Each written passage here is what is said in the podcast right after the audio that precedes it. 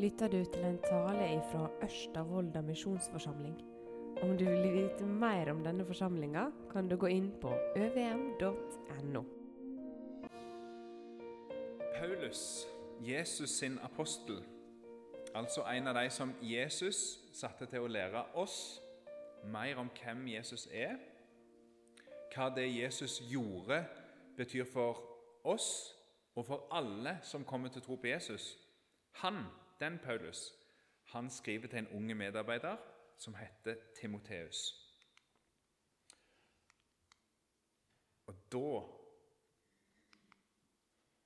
skriver han hver bok i Skrifta er innanda av Gud og til nytte i opplæring, formaning, rettleding og oppseding i rettferd, så det mennesket som hører Gud til, kan bli fullt utrusta til all god gjerning.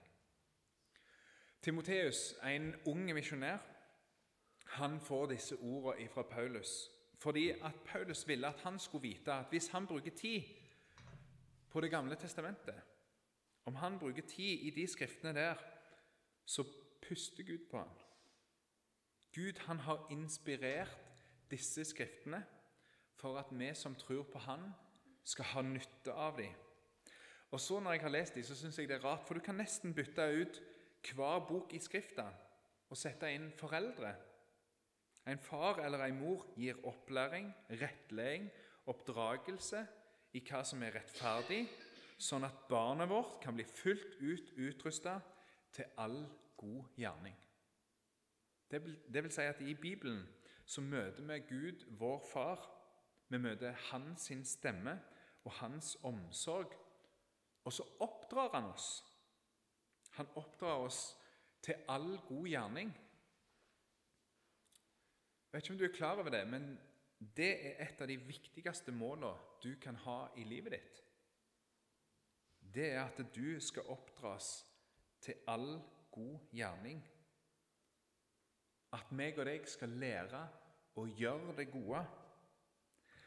I misjonsbefalingen, som vi har hørt gjentatte ganger, så sier Jesus at disiplene de skal gå ut og gjøre alle folkeslag til disipler, etterfølgere, læresveiner av Jesus, ved at de blir døypt, og at disiplene lærer de nye disiplene å holde alt det han har befalt oss. Det betyr at vår oppgave som disipler det er at vi skal være med å lede mennesker til Jesus. At de blir kjent med Han, og at de får motta nåde, fred og frelse ved å få tillit til Jesus. Og så skal vi lære hverandre å holde det som Jesus har befalt oss. Å holde det. Det er en av de oppgavene som vi som jobber med å undervise ut fra Bibelen, har. Men det er jammen ei ganske så umulig oppgave å kun gjøre fra en talerstol. Det enkleste i denne oppgaven det er å lære hva er det Jesus har befalt oss. Og bare sånn at vi, vi vet hva han har befalt. Men det å lære å holde det som Jesus har befalt oss, til det så trengs det et helt fellesskap, en kropp, et helt tempel. Og Hvis vi skal lære å holde det som Jesus har befalt oss, da, da må vi våge å invitere hverandre inn i livet våge oss litt nærere hverandre, så vi kan hjelpe oss i det. Et av de skriftene som Paulus skriver om til Timoteus, det er en liten profet som heter Haggai. Det vil si, Om profeten var liten eller ei, det skal ikke jeg si sikkert, det vet jeg ikke, men boka er kort. Det er to kapitler i Det gamle testamentet. Og I Haggai der står det noe som er nyttig for oss fordi Gud har sagt det. Og det som vi leser der, det hjelper oss å lære oss å holde det som Jesus har befalt oss. Vi blir oppdratt. Og Derfor skal vi bruke tid på denne profeten i dag. Og Så skal vi se hva den lærer oss om det å bygge Gud sitt hus. Men vi skal be i lag først. Og Da skal vi be om det at Gud puster på oss fra Det gamle testamentet, og at vi får lære noe her i dag og at vi kan ta imot opplæringa som hans barn. Vær med og be. Takk, far, for at du har gitt oss et ord. Takk for at du drev fram profeter. Takk for at Din Hellige Ånd fikk de til å skrive ned det som ble formidla, sånn at vi kan være her i dag og lære av det. Jeg ber Jesus om at du må hjelpe oss, at du må oppdra oss i dag. Det ber jeg om i ditt navn. Amen. I dag så skal vi først, for å litt lettere forstå den teksten som vi har foran oss, så skal vi se på den tida som Haggai talte inn i. Og Etterpå så skal vi gå litt inn på ja, men hva var det Haggai skrev da i disse to kapitlene. Og så skal vi spørre oss hva har dette å lære meg og deg i dag. Det er en del tekst som kommer til å stå her på skjermen, og så skal ikke jeg lese alt, men vi har det her, og så skal jeg prøve å gjenfortelle noe av det. Haggai han eh, trer inn på arenaen 520 år før Kristus. Når Haggai profeterer, så gjør han det i løpet av fire måneder, altså si fra januar til april. Så det er ganske kort tid han virker i. Israelsfolket lever i ei tid hvor de nettopp har erfart Guds dom over folket. Fordi folket har vært ulydige, så har israelsfolket vært bortført til Babylon. Og Der har de vært i fangenskap. De som hører Haggai nå, de aller fleste av dem har kanskje bare sett Babylon. De har aldri vært i Jerusalem før nå. Men nå, i tråd med profetiene som vi leser om i Jeremia, etter 70 år i Babylon, så begynner folk å komme tilbake igjen til Jerusalem i puljer. Det skjer at etter at det babylonske riket har falt, og nå er det Persia som har tatt over, og det er kong Kyros som er kongen. Men i Jerusalem der er det presten Josva og stattholderen, altså ikke en konge, men nesten konge, Serubabel, som er lederen i Jerusalem. Folket de kommer tilbake igjen til en by som ligger i ruiner. Altså Dette er slekter som har kommet tilbake til sine tomter, sine hus. Men de husene ligger i ruiner. Den muren som er rundt Jerusalem, som er forsvarsverket mot alle fiendene som angriper utenfra, den er i ruiner. Guds hus, tempelet, der de kom og tilba Gud, det huset ligger i ruiner. De er fri, men det er likevel mye arbeid som gjenstår. Og Hvis du vil vite mer om Haggai og bakgrunnen for Haggai, så skal du lese Esra og Nehemja, to bøker i Det gamle testamentet som beskriver historien rundt det at israelsfolket kom tilbake igjen. Særlig viktig er Esra kapittel 1-6. Det står der er israelsfolket. Når Gud da sender en profet til dette folket, som kanskje er et folk som er fylt av håp Nå er vi tilbake igjen i landet Kanskje kjenner de på arbeidslyst. Kanskje kjenner de mer på sorgen over det som en gang var. Hva er det profeten sier da? Boka kan vi dele opp i fire budskap som Haggai kommer med. Det er fire deler som kommer i løpet av fire måneder. Den første er en anklage om feilprioritering. Den andre er et budskap til de som mente at det var bedre før. Det tredje det er at han lærer dem opp i renslighet. Og det siste det er et frampeik om håp. Jeg skal dukke inn i disse overskriftene nå.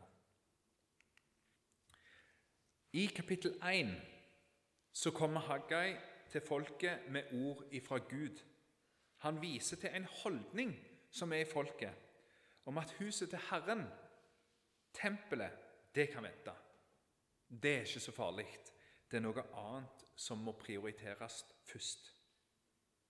Den holdningen der den imøtegår Haggai med et retorisk spørsmål. Og så sier han er det tid for dere å bo i bokledde hus så lenge dette huset her ligger i ei røys.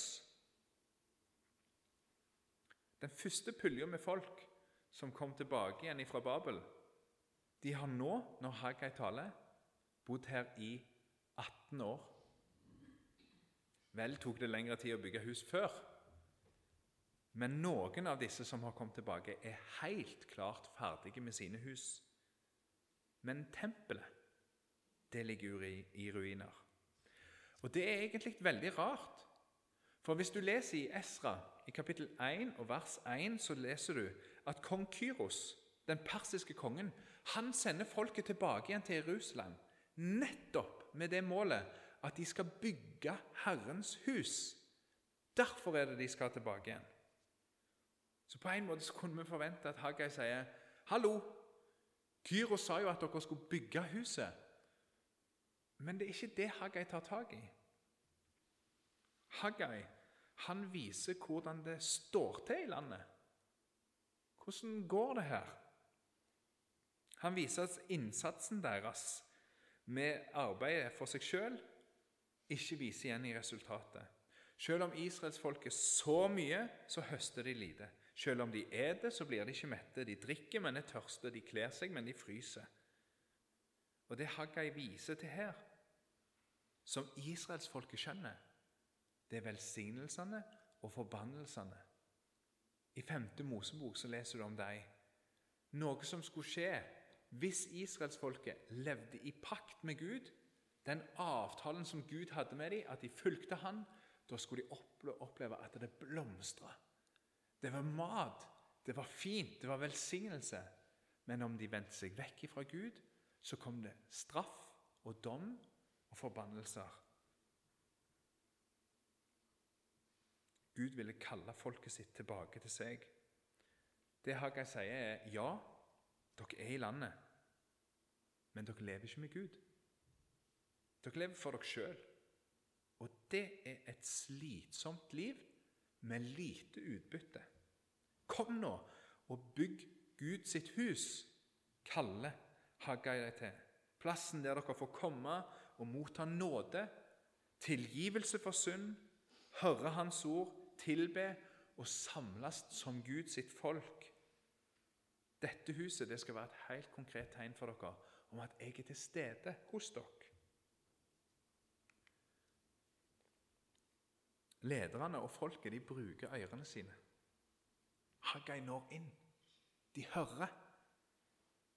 Og så vekkes det tro og gudsfrykt hos folket. Haggai når inn, og Gud sier at han vil være med dem. Og så står det at Gud vekker en tanke hos folket. Han har brukt ordet til Haggai, og så har det kommet noe inn gjennom ørene, og så vekker Gud en tanke hos folket. Gud setter i gang en respons, og folket går i gang med å bygge. Det er, det er stort å lese. Det er ikke alltid det, er det som er tilfellet når profetene taler, men her skjer det noe. Men i begynnelsen av kapittel 2 så kommer Haggai med ord ifra Gud igjen. Og da er det noen sånne akk som Gud har hørt, og som Haggai har hørt. Akk og til folket. De som visste hvordan det var før. De som visste hvordan det forrige tempelet hadde vært. De er det Hagai adresserer. Nå når de har begynt å bygge, og bare grunnmuren er på plass, så er det noen i folket som skjønner at dette huset det huset som vi ser her, det kommer ikke til å bli like fint som det som, Herodes, nei, det som, det som eh, Salomo bygde. Det er helt åpenbart. Dette blir stusslig. Det Haggai gjør da, det er at han gir de rett. Det stemmer, det. Dette huset vi bygger nå, det er ingenting sammenlignet med det første. Men mist ikke motet av den grunn. Huset som dere bygger, det er fremdeles den plassen Gud vil komme.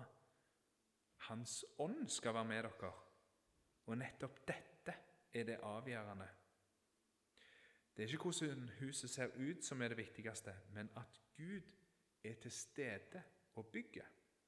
Vær derfor frimodige og bygg Stå ikke bare og se dere tilbake på tidligere tiders rikdom, men vær sterke, frimodige og bygg, sier Haggai. Og Så kommer Haggai med et frampek allerede her om Jerusalem, at dette huset, denne plassen her, har fremdeles ei rolle i historien. På denne plassen her så skal det skje noe. Det skal skapes fred.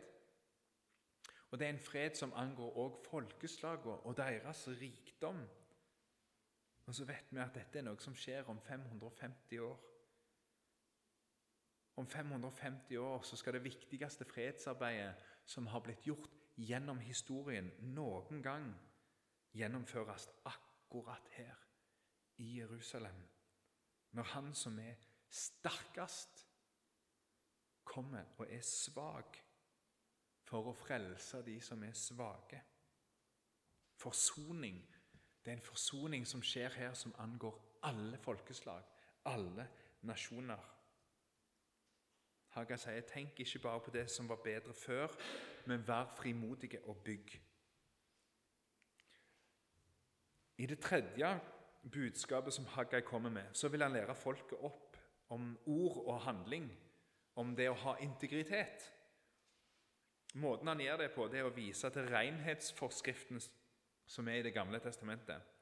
Hvis du leser i tredje og fjerde, bok, fjerde, og fjerde Mosebok, så vil du oppdage at det, det, er veldig mange ting og veldig, veldig mye som er hellig. Noe som er rent, og noe som er vanhellig og ureint. En av de tingene som var hellige, det var offerkjøtt. Altså kjøtt som var ofra, som, som var, det, skulle, det skulle være til Gud. Det, det var blitt hellig. Og Så kommer Hagai og spør. Um, de, og Han spør prestene, de som kan dette, så sier han du, hvis, hvis det er noe som er hellig, offerkjøtt f.eks., som kommer borti noe som er helt vanlig, blir det det kommer borti, da hellig? Nei, sier prestene. Det er ikke sånn det fungerer. Nei, ok. Det hellige smitter ikke over på det andre. Nei, det er ikke sånn. Ok, svarer Hagai. Men men hvis det er noen da som kommer borti noe som er ureint, f.eks. et lik, et dødt menneske eller dyr, det var ureint i Det gamle testamentet. Hvis noen kommer borti det, og så tar på noe som er helt vanlig, blir da det vanlige ureint? Ja, sier prestene. Sånn er det. Det vanhellige, det ureine, det smitter over på det reine. Og Så forklarer Haggai folket sånn som dere lever livet deres, så gir dere tempelet, det som dere bygger på, ureint. Det er ikke sånn at når dere kommer og tar i dette hellige tempelet, så blir dere hellige. Nei, når dere lever et liv preget av synd, og så kommer dere og tar på tempelet, så blir det òg ureint.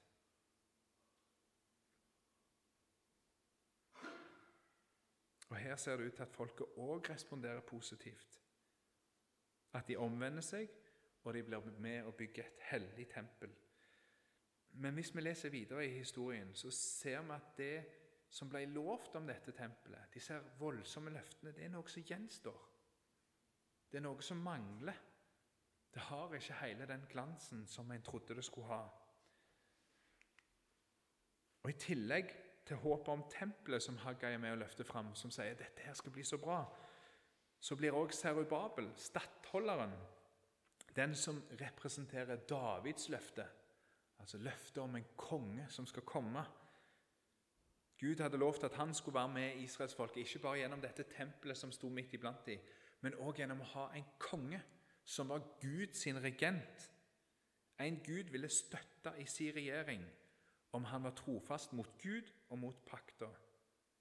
Vi må huske at israelsfolket er fremdeles under Perserriket, og de har fremdeles fiender som truer rundt dem. Så stabilitet og trygghet det er ikke på plass hos dem nå. Dette er noe vi egentlig tar litt for gitt.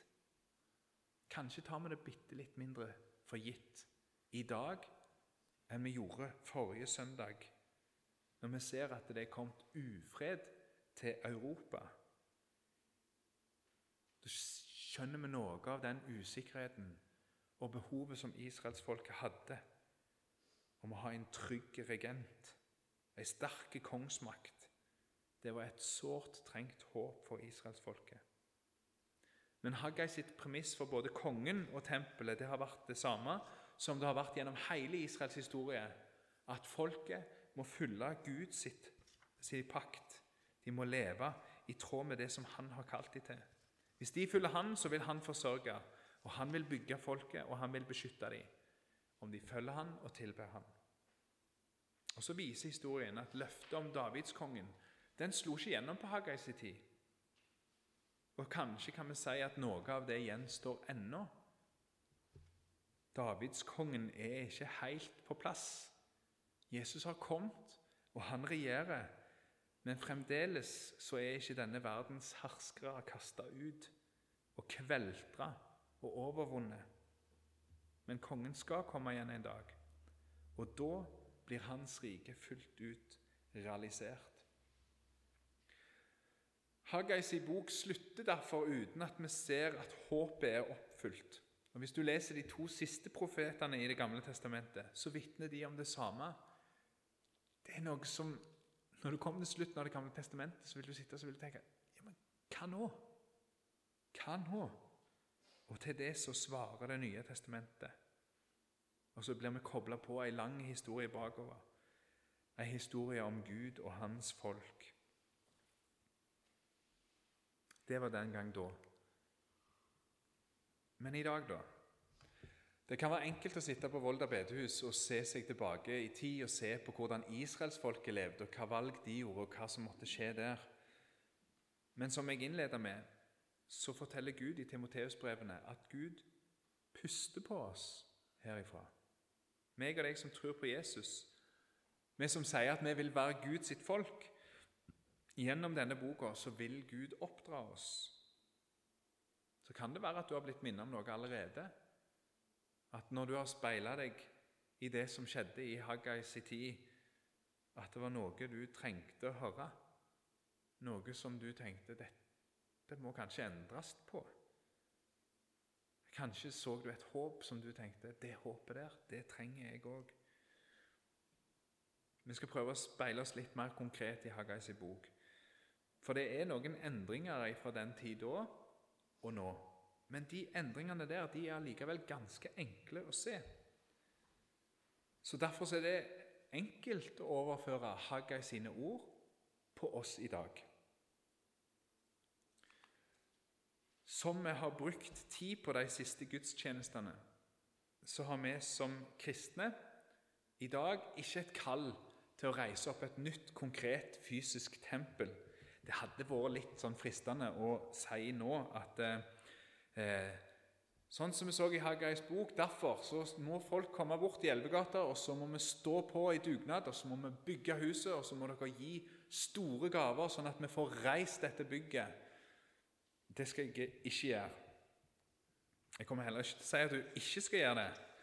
Men i den grad du skal bidra på et sånt et hus der borte eller her, så er det fordi at Guds nye tempel, som er alle menneskene, alle de troende som lever i dag, og i kommende generasjoner Hvis du skal bidra på disse husene, så er det for at disse menneskene skal ha nytte av det. Bygget har ingenting i seg sjøl å si. Men de som skal få bruke det, har noe å si.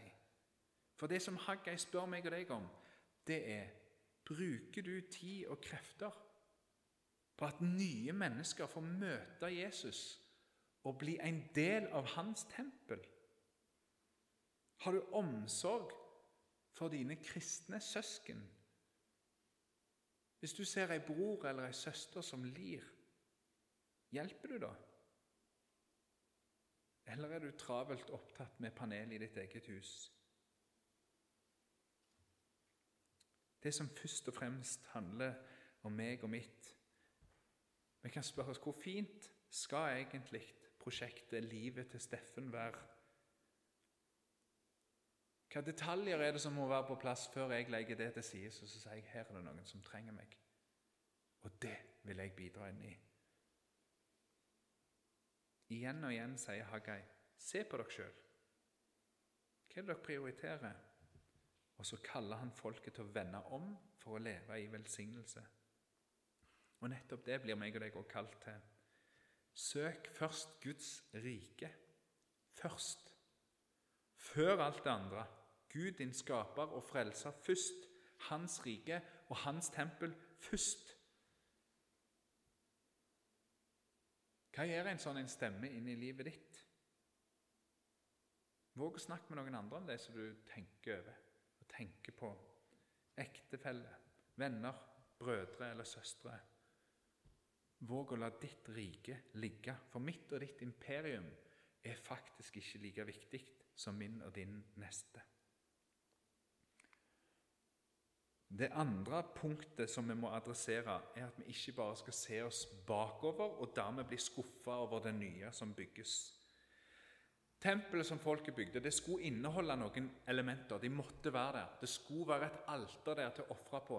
Det aller helligste skulle være der. Det skulle være en lampe, det skulle være et bord og forskjellige ting. Men så var det en hel del ting som ikke var så viktig at det var akkurat sånn eller sånn. Det viktigste da og nå, det var at Gud var der med sin ånd. I Det nye testamentet så har vi noen sånne kjerneelementer som skal være til stede hos Guds folk. Ordet, apostlene sin lære, bønnen, som både er det at vi ber sammen, og at vi synger i lag, brødsbrytelsen, altså nattværet, og fellesskapet. Du er ikke kristen alene. Det er noe du er i lag med noen andre. Og I dette fellesskapet her så var det noen som skulle virke gjennom tjenester og nådegaver, og så skulle vi bygge hverandre opp. La oss i lag søke inn til Jesus hele tida og spørre Jesus, hvordan vil du at vårt fellesskap skal se ut? Hvordan bygger vi ditt tempel her i dag i Volda? Hvor vil du føre oss? Og så bygger vi. Her kommer vi i lag med ulik bakgrunn. På Fågen, der jeg er fra, der pleier det alltid å være et sånt flott nattverdsmøte på andre påskedag, og så gjør det sånn og sånn og sånn. I Ørsta der har de gjort det sånn og sånn og sånn. og sånn. Før, her i Volda, så brukte vi alltid at det var sånn og sånn og sånn. og sånn. I Akershus der det, blir det gjort på den måten. sant? Når vi var i misjonssalen i studietida, da var det alltid sånn. I Sandefjord gjorde vi det sånn, osv., osv., osv. Jeg sier ikke at vi skal være historieløse. Tvert imot. Vi skal glede oss over all den erfaringen som vi sammen samler oss her. Men hvordan bruker vi den erfaringen? Står vi og ser bakover på det som var bedre før, og blir mismodige av det? Eller gleder vi oss over det nye som bygges, og hvordan evangeliet og Guds rike vokser fram mellom oss? Det er et viktig poeng i Haggais bok. Det tredje vi skal bygge med rene hender. Guds hus, det kristne fellesskapet, det er et fellesskap der du kan komme om du har skitna deg til. Om du har falt og synda. Om du har gjort det som aldri skulle vært gjort. Det groveste. Så skal du komme til Guds hus. Om du har gjort noe som er så galt at du nesten føler at det lukter av deg så skal du komme til Guds hus. Et sånn et hus er det. Men vi kommer her for å vaske oss, for å gjøre oss reine. Derfor så sier vi regelmessig på våre gudstjenester Hør, da. Hør denne oppsummeringen. Sier vi at vi har fellesskap med Han, men vandrer i mørket, da lyver vi og følger ikke sanninga. Men dersom vi vandrer i lyset liksom Han er i lyset, da har vi fellesskap med hverandre, og blodet fra Jesus, hans sønn, renser oss fra all synd. Sier vi at vi ikke har synd, da fører vi oss sjølve vill, og sanninga er ikke i oss. Men dersom vi sanner syndene våre, er Han trufast og rettferdig, så Han tilgir oss syndene og renser oss for all urettferd. Vi kommer for å motta nåde og tilgivelse, ikke tillatelse med fred. Guds ønske for meg og deg det er at vi skal vende oss vekk fra det vonde og følge Hans gode vilje.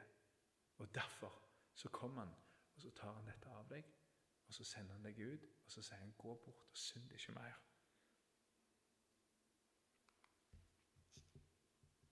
bygg med kongen for øye. Både israelsfolket da og vi nå, vi opplever at det, det er noe som mangler her. He?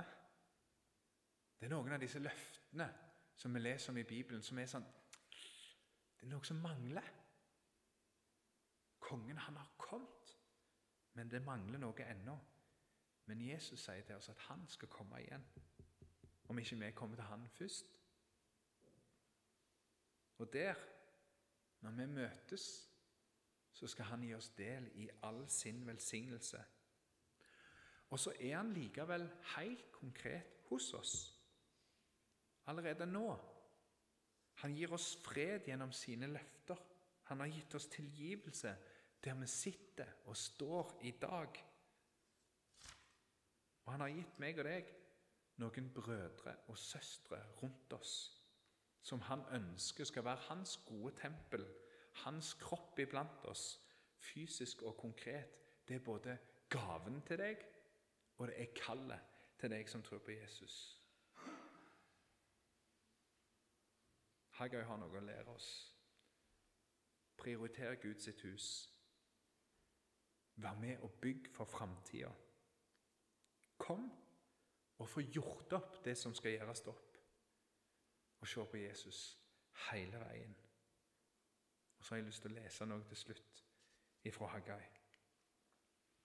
Men nå, sa Rubabel, vær sterk, sier Herren.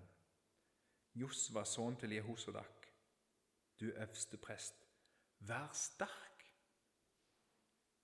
Hele folket i landet, vær sterke, sier Herren Gå i gang med arbeidet, for jeg er med dykk, sier Herren over herskarene. Denne lovnaden gav jeg dykk da det drog ut fra Egypt. Min ande er mellom dykk, vær ikke redde. Denne lovnaden ga jeg dykk når, jeg drog ut, når det drog ut fra Egypt, når israelsfolket ble redda, når de ble hans paktsfolk, som, som fikk komme inn i det lovede landet. Da sa han min ande med dere.